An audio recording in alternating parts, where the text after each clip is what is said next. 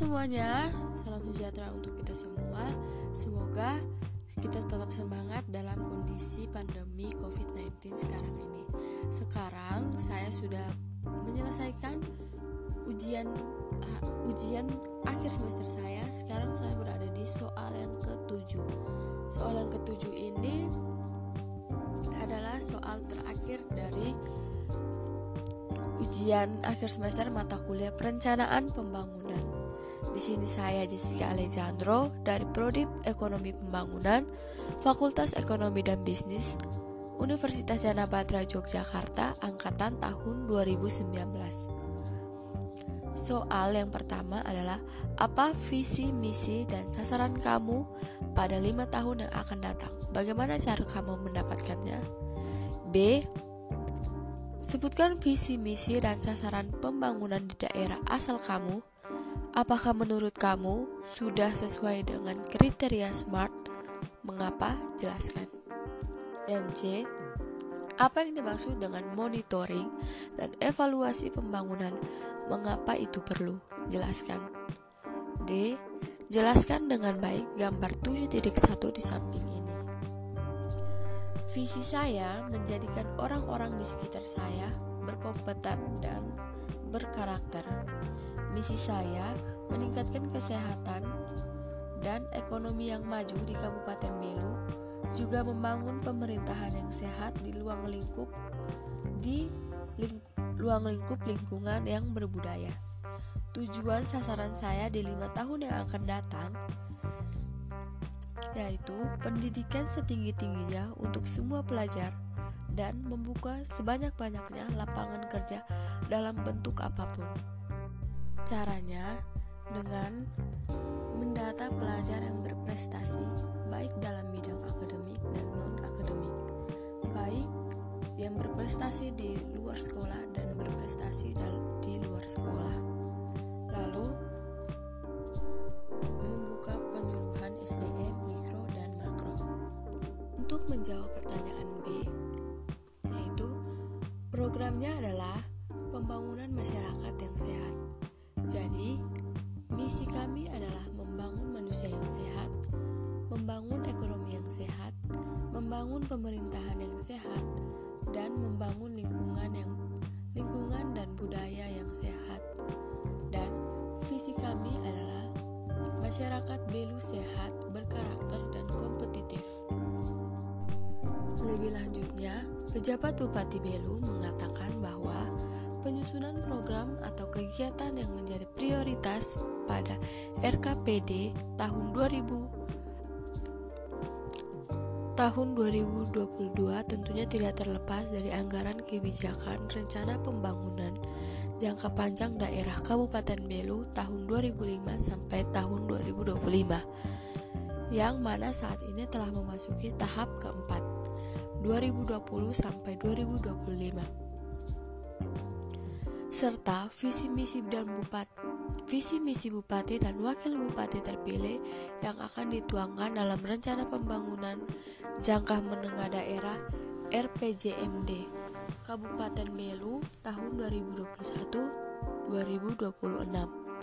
Melalui kesempatan ini saya dapat sampaikan bahwa visi misi bupati dan wakil bupati terpilih hasil pilkada 9 Desember 2020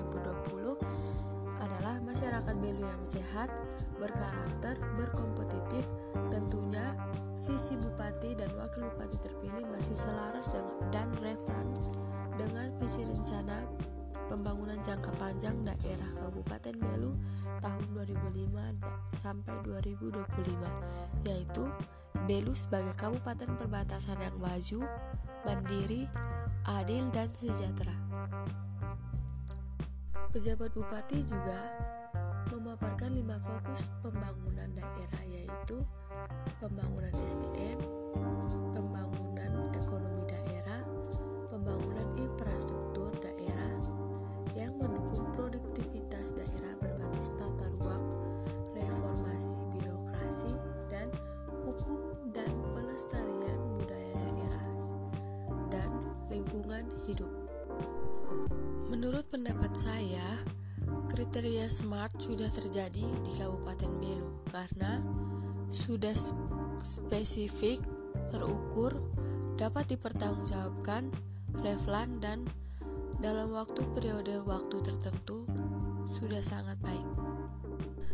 Definisi monitoring Monitoring secara umum dapat diartikan sebagai fungsi manajemen Monitoring secara umum dapat diartikan sebagai fungsi manajemen yang dilakukan pada saat kegiatan sedang berlangsung, mencakup aspek-aspek antara lain penelusuran pelaksanaan kegiatan dan pengeluarannya berfokus pada input, proses, dan output.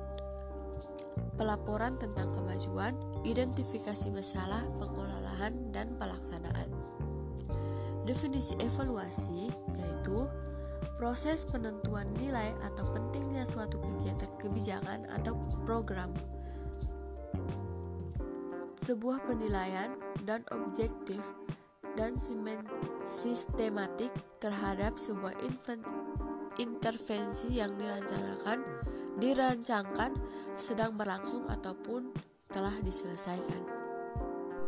Pentingnya monitoring dan evaluasi yaitu untuk fokus pada input, proses, dan output dan juga proses menentukan nilai dan pentingnya suatu kegiatan, kebijakan, atau program tersebut.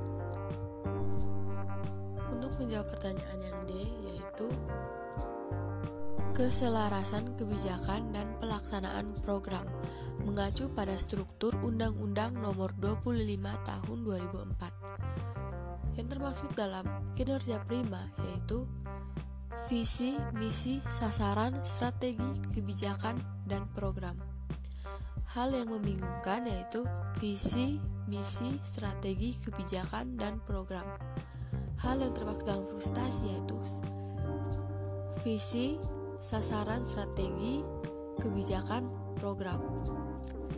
Hal yang tidak terarah yaitu visi, misi, strategi, kebijakan, dan program.